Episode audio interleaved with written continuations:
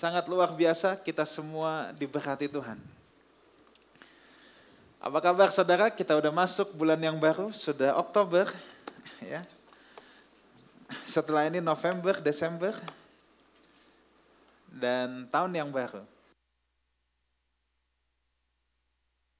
Bulan ini kita akan banyak bicara tentang marketplace. Kita sudah beranjak pada tema yang baru, marketplace. Dan izinkan saya mengawalinya dengan sebuah landasan. Saya mau bicara tentang ini, prinsip kualitas. Siapkan hati kita, fokus sebentar untuk 30-40 menit ke depan. Karena saya kembali akan menyampaikan hal yang argumentatif dulu saya mau memberikan landasan berpikir, landasan biblikal tentang yang namanya kualitas. Kalau minggu lalu saudara tidak hadir, pastikan saudara mendengar rekamannya ya. Eh, itu naik di YouTube minggu ini. Saya memberikan pemahaman yang argumentatif Alkitabiah tentang apa itu kasih. Kasih sebagai dasar perubahan hidup. Dan sekarang saya mau bicara tentang prinsip kualitas. Mari kita buka Alkitab kita sama-sama.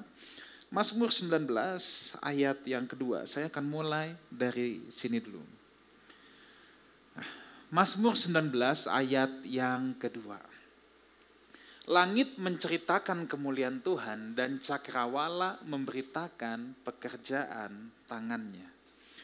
Kualitas dari Tuhan adalah kemuliaannya. Pernahkah saudara sadari bahwa semua ciptaan Tuhan itu menceritakan kemuliaan Tuhan? Pernahkah saudara sadari apa pun yang saudara jumpai dalam hidup ini, semua ciptaan Tuhan itu menceritakan yang namanya kemuliaan Tuhan.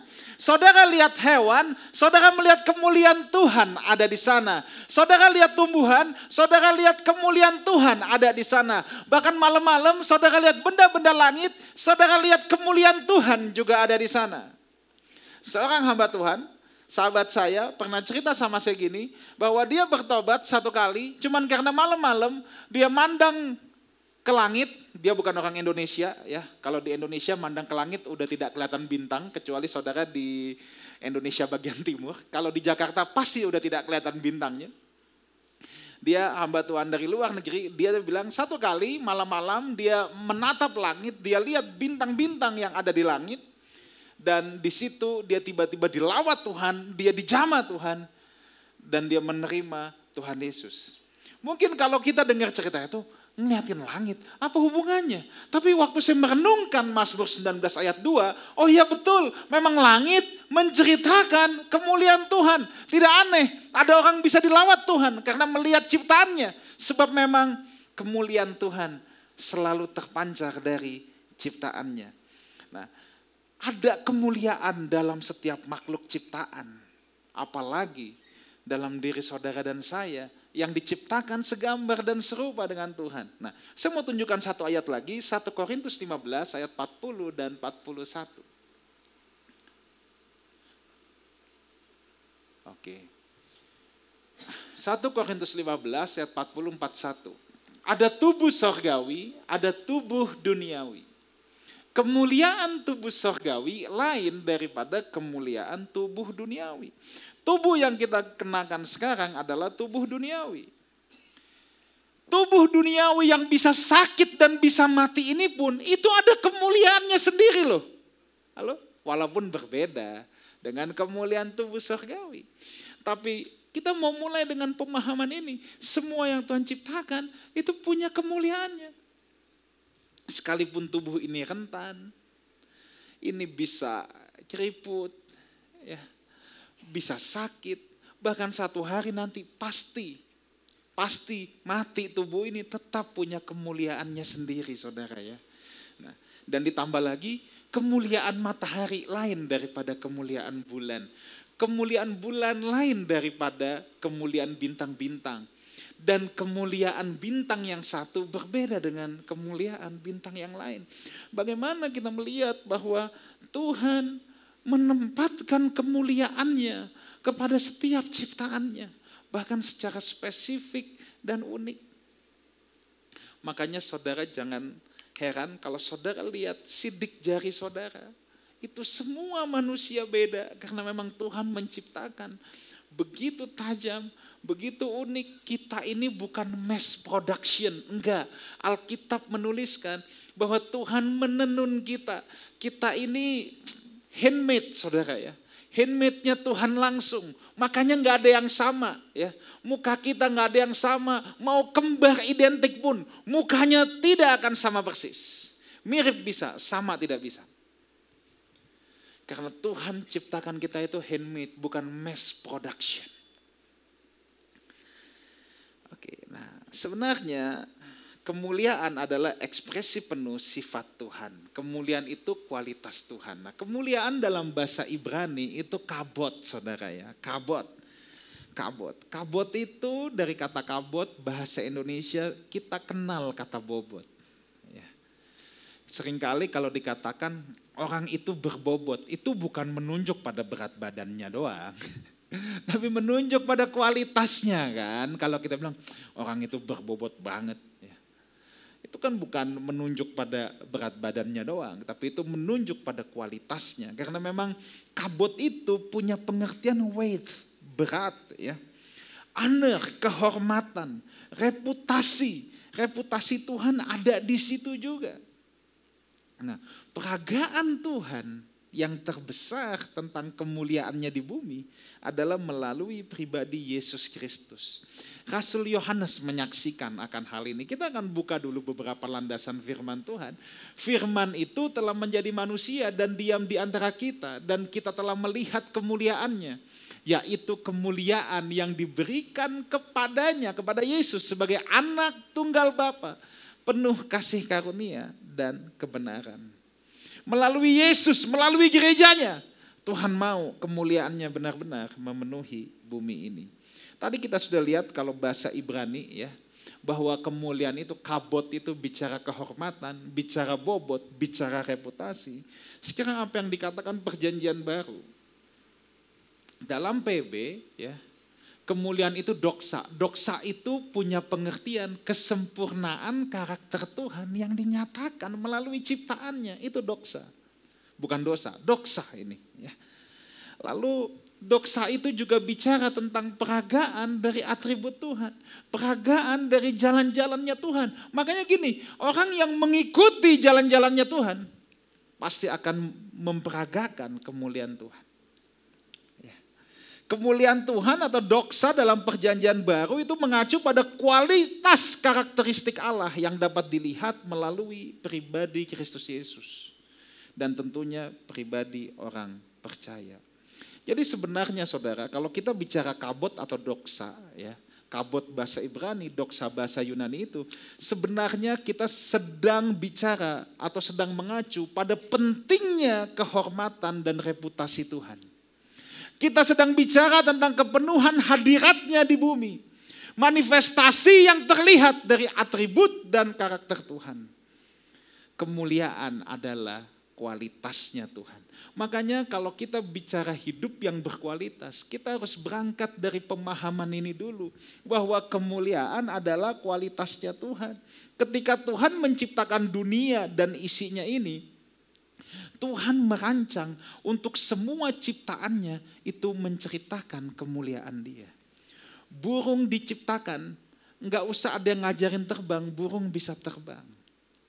Ikan itu nggak ada yang ngajarin berenang, dia langsung bisa berenang karena memang kemuliaan burung itu berenang. Kemuliaan sorry kemuliaan burung itu terbang. Kemuliaan ikan itu memang berenang. Dan Tuhan ciptakan itu.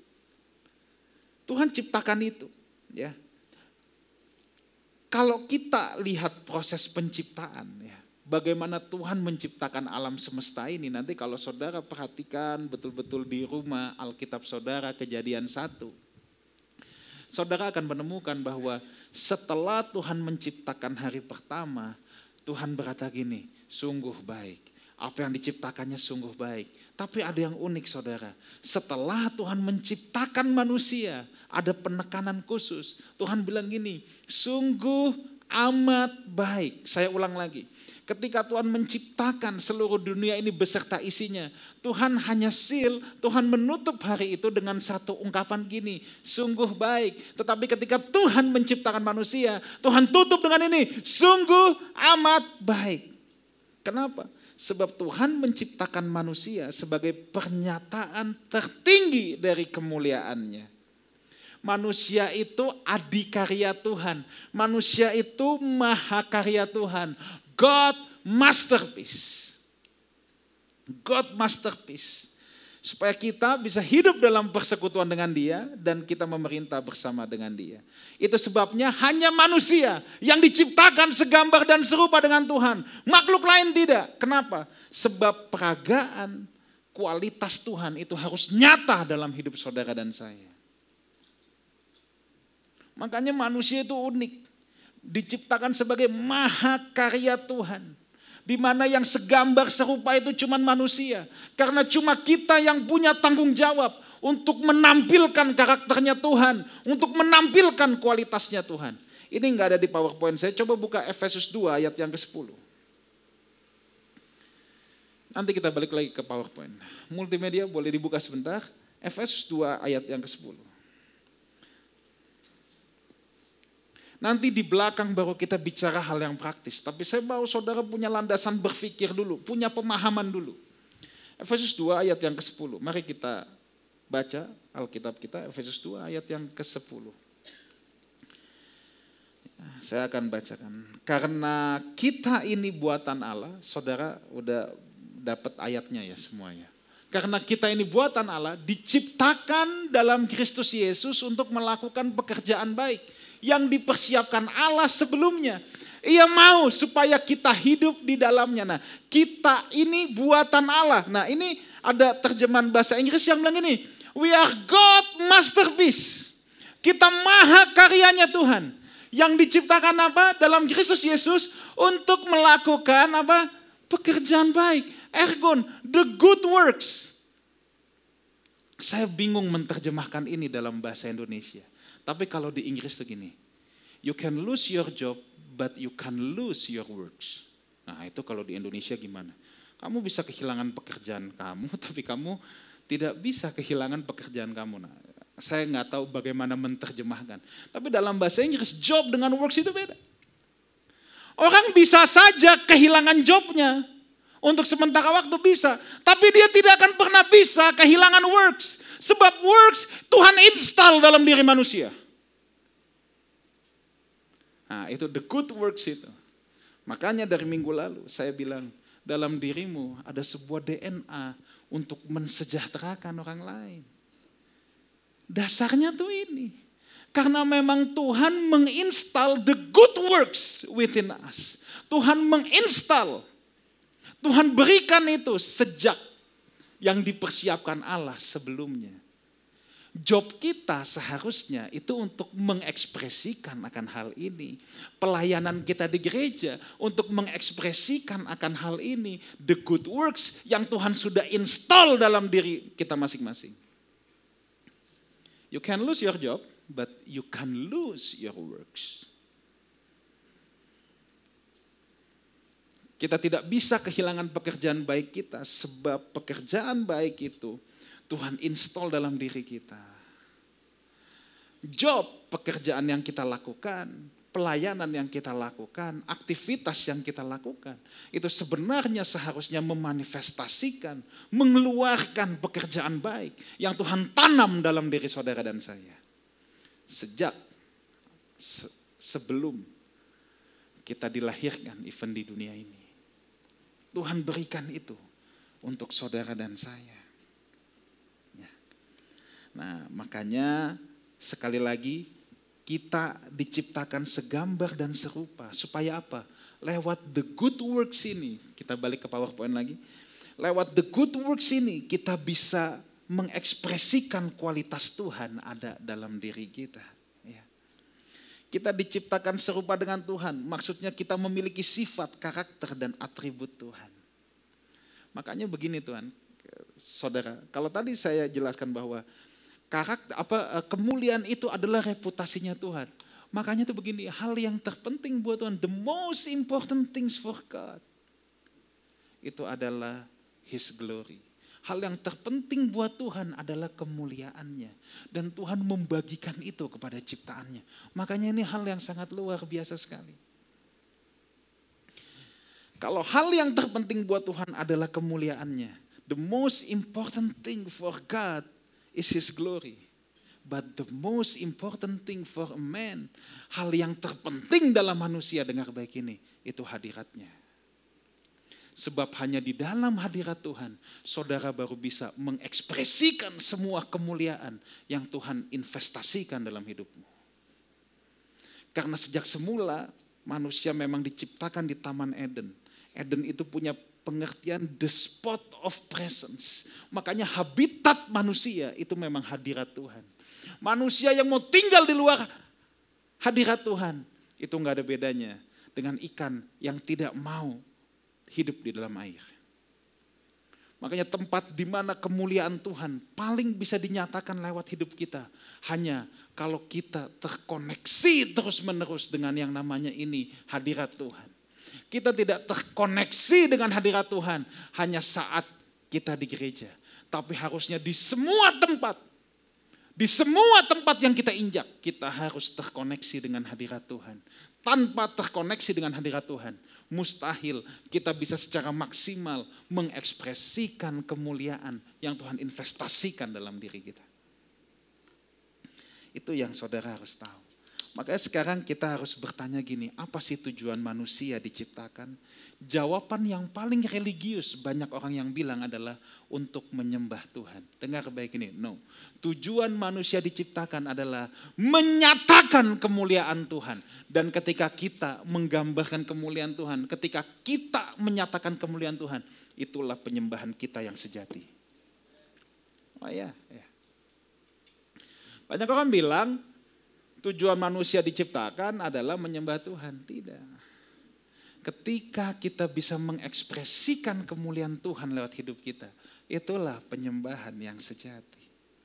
Persoalan mulai datang ketika manusia jatuh ke dalam dosa.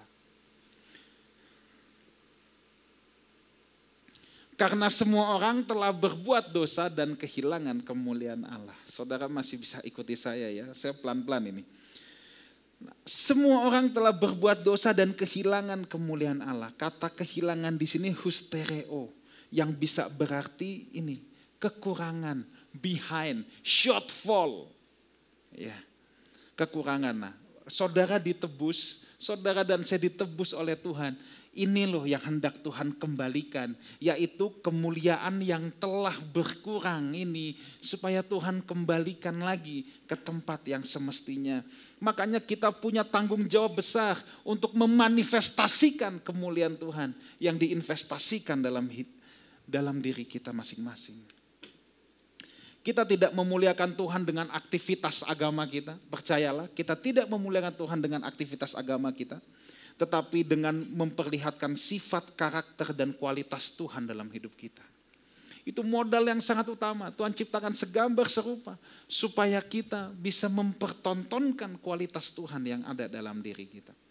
Makanya dalam pelayanan Yesus kualitas itu sangat penting. Dalam pelayanan Yesus kualitas itu sangat penting. Yesus tidak pusing dengan jumlah. Yesus sangat pentingkan yang namanya kualitas. Yohanes 6 ayat yang ke-66. Nah ini kalau saudara baca lengkapnya ya. Ini setelah banyak orang yang mengundurkan diri ya. Pertama-tama Yesus bikin mujizat ya. Ada 5000 keluarga yang dikasih makan. Lalu orang berduyun-duyun ikut Yesus. Terus Tuhan bilang begini, kamu itu datang ke aku itu cuman mau roti doang, cuman mau perut doang. Nah, lalu Yesus mengajar lagi, akulah roti hidup, bla bla bla. Nah, ayat 66. Mulai dari waktu itu, banyak siapa? Murid-muridnya mengundurkan diri dan tidak lagi mengikut dia. Ini ironi saudara. Sebab yang Alkitab catat, yang mengundurkan diri, bahkan murid. Ini bukan ke-12 murid, Yesus itu punya banyak murid saudara ya. Yang 12 memang yang utama.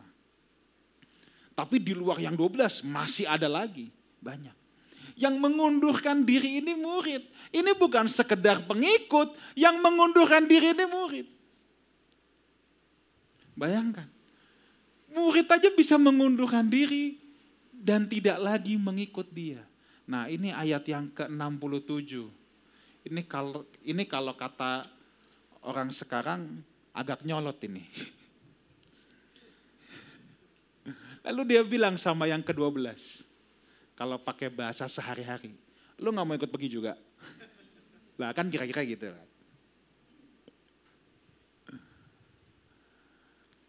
Udah banyak yang tinggalin, bukan dibayar-bayain, malah yang 12 nggak mau ikutan.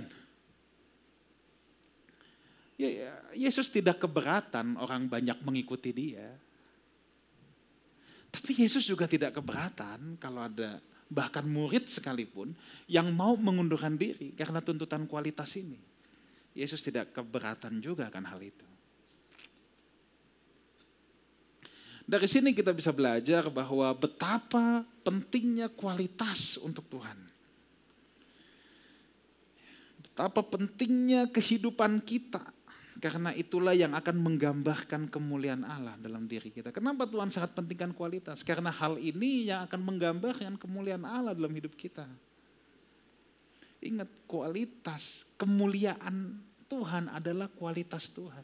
Makanya kalau kita bicara hidup yang berkualitas, kenapa ini jadi sangat penting? Karena ini bicara tentang kemuliaan Tuhan. Ini bukan bicara tentang hal yang lain, ini bicara tentang kemuliaan Tuhan. Kalau cara kerja kita nggak benar, cara melayani kita nggak benar, yang kita nodai, yang kita coreng itu, itu kemuliaan Tuhan yang Tuhan investasikan. Makanya ini menjadi hal yang sangat serius dalam hidup kita. Saya akan masuk kepada hal yang praktis sekarang. Ya. Supaya saudara tidak mumet dengan hal-hal yang landasan berpikir. Tapi saya harus beritahu dulu apa yang menjadi sebuah argumentatifnya. Saya catat secara cepat ada empat prinsip kualitas. Yang pertama tuh begini, kualitas tidak dapat ditipu. Quality cannot be cheated.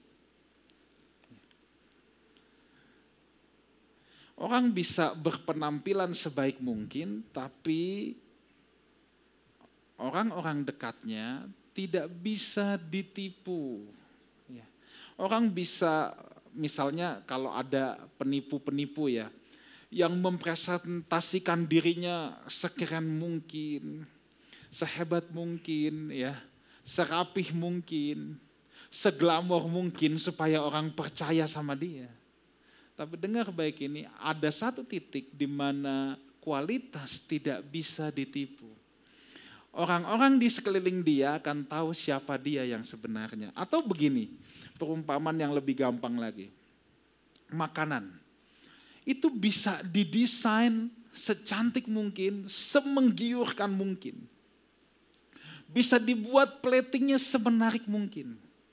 Tetapi dengar baik ini, bagaimanapun ada saatnya ketika makanan itu dimakan, rasa nggak bisa bohong.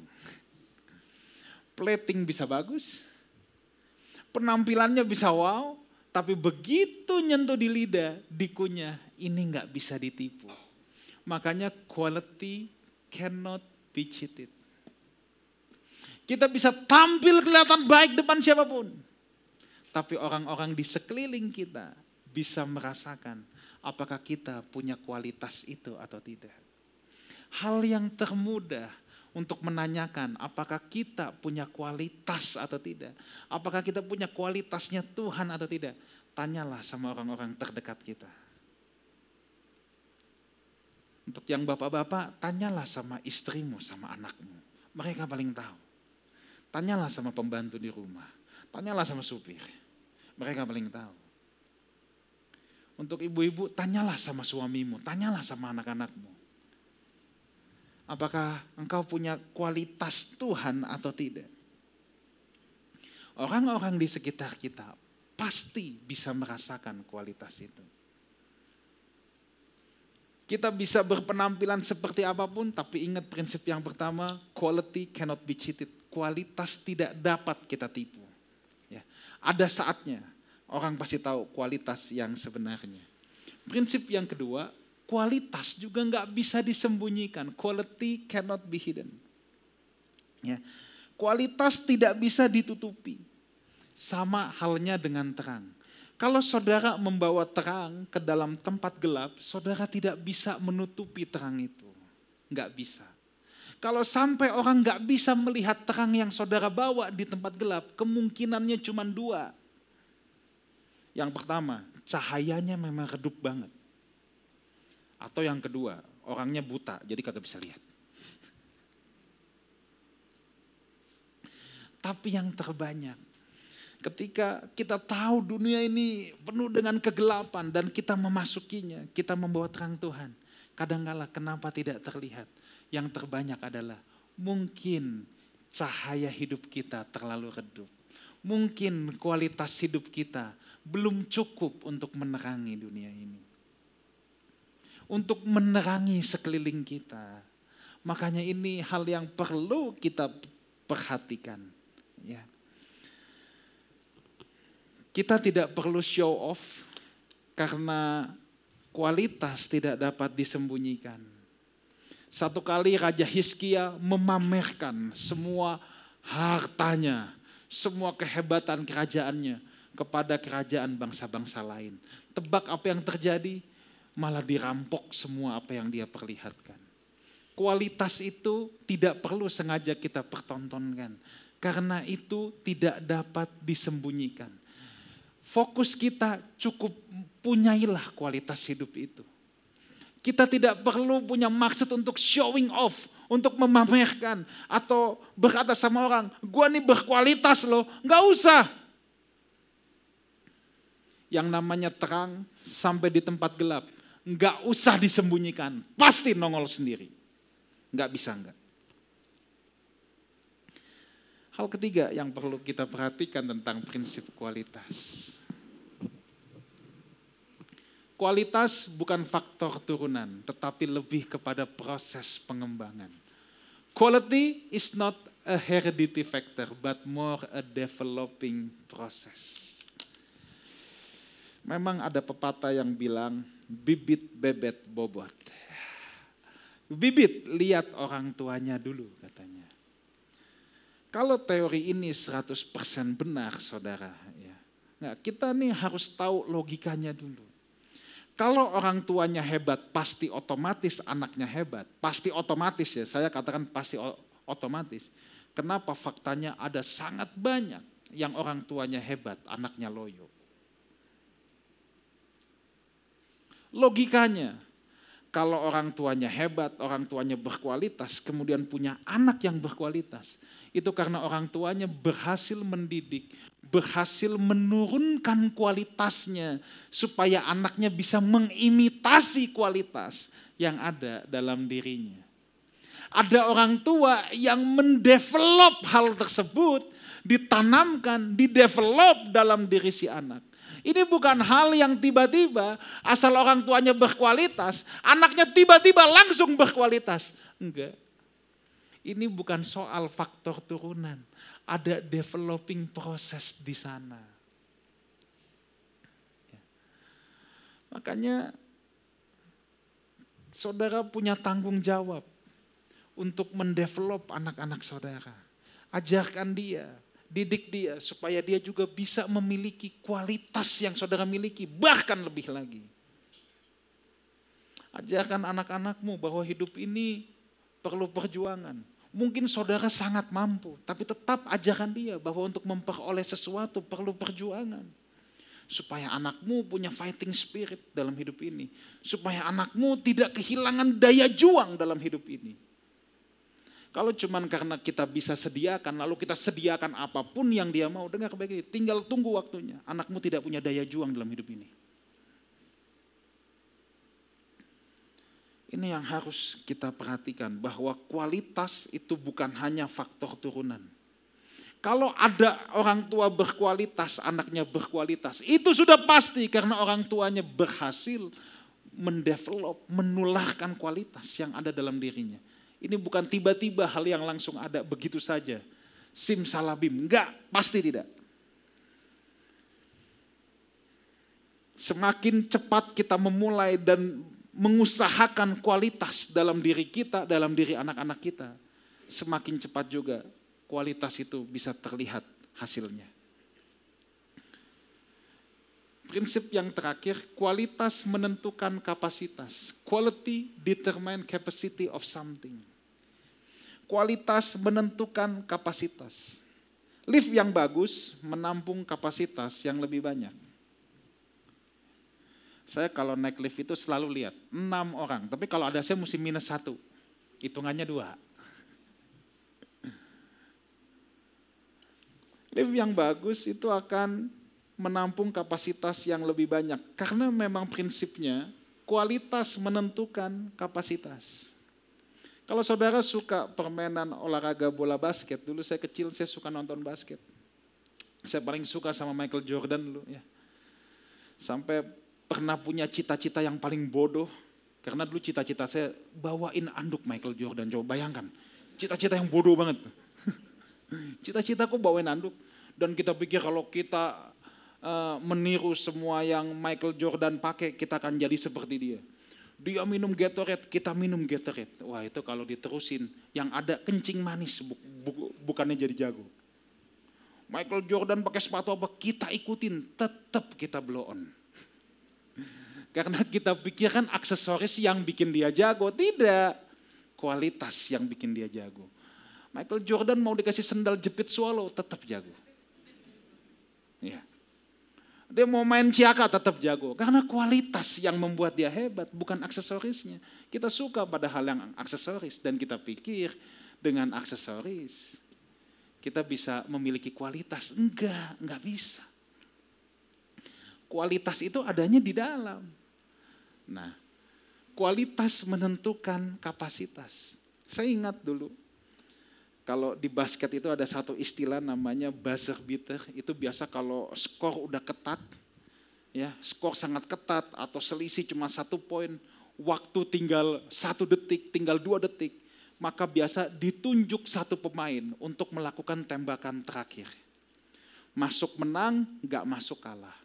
Kalau di Chicago Bulls dulu, yang paling sering ditunjuk sebagai penembak buzzer beater adalah Michael Jordan.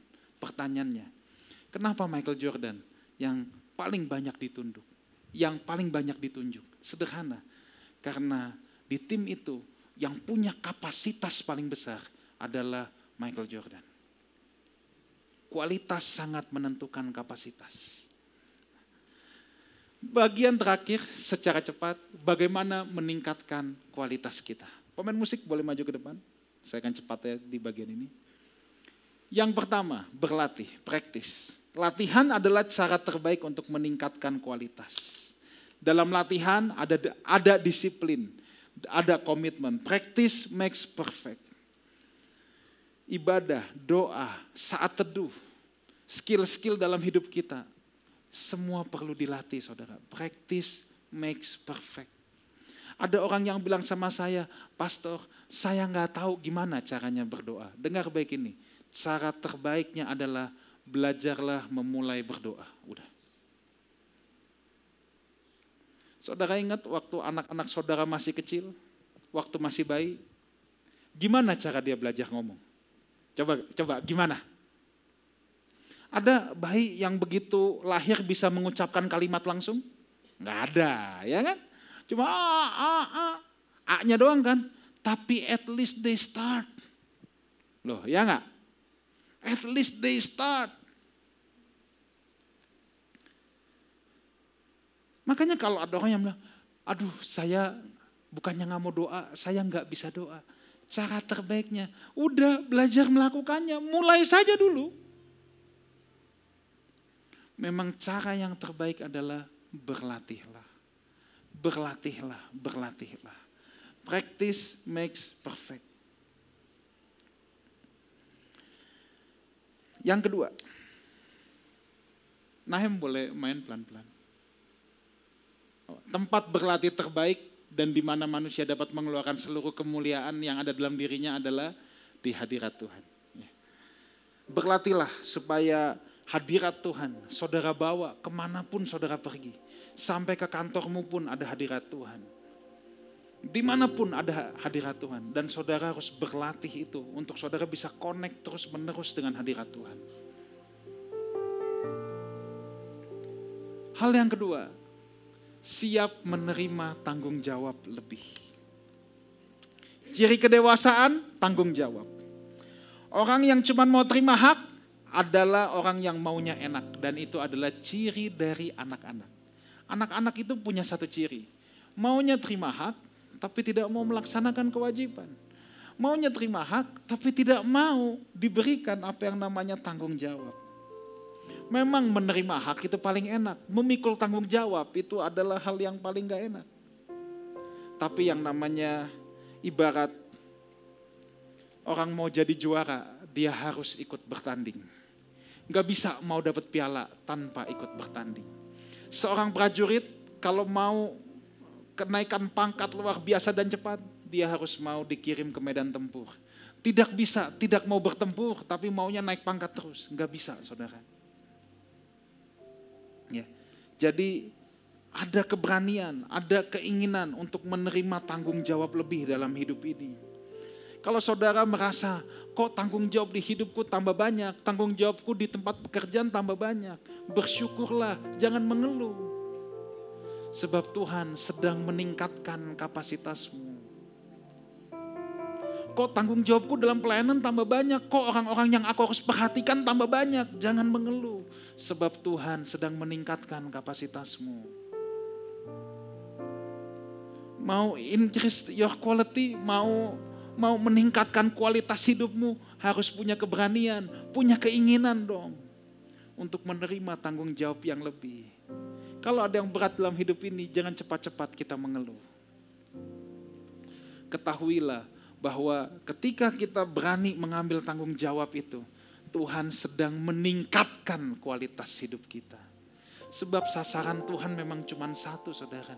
Supaya saudara dan saya bisa, meman, bisa memanifestasikan semua kemuliaan yang Tuhan udah investasikan dalam diri saudara dan saya. Jangan cepat menyerah dengan sulitnya hidup.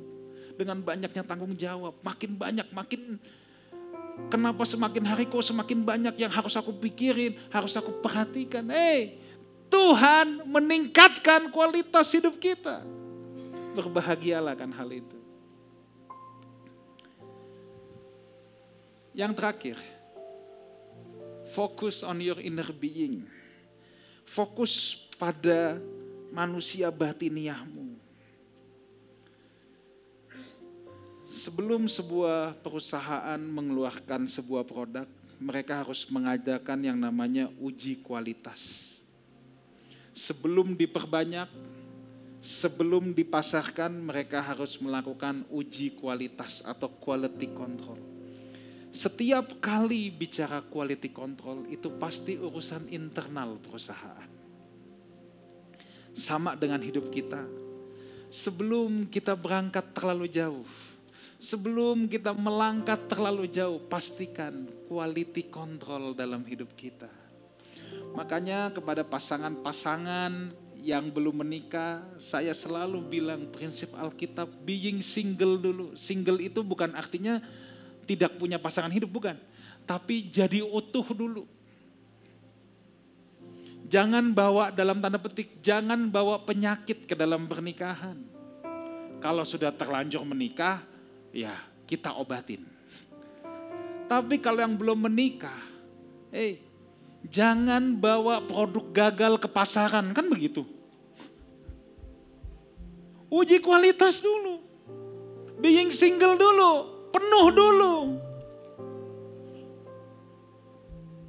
Kalau gelas hidup masih pecah, retak-retak, bocor sana sini, jangan mikir mau kawin dulu, tambel dulu.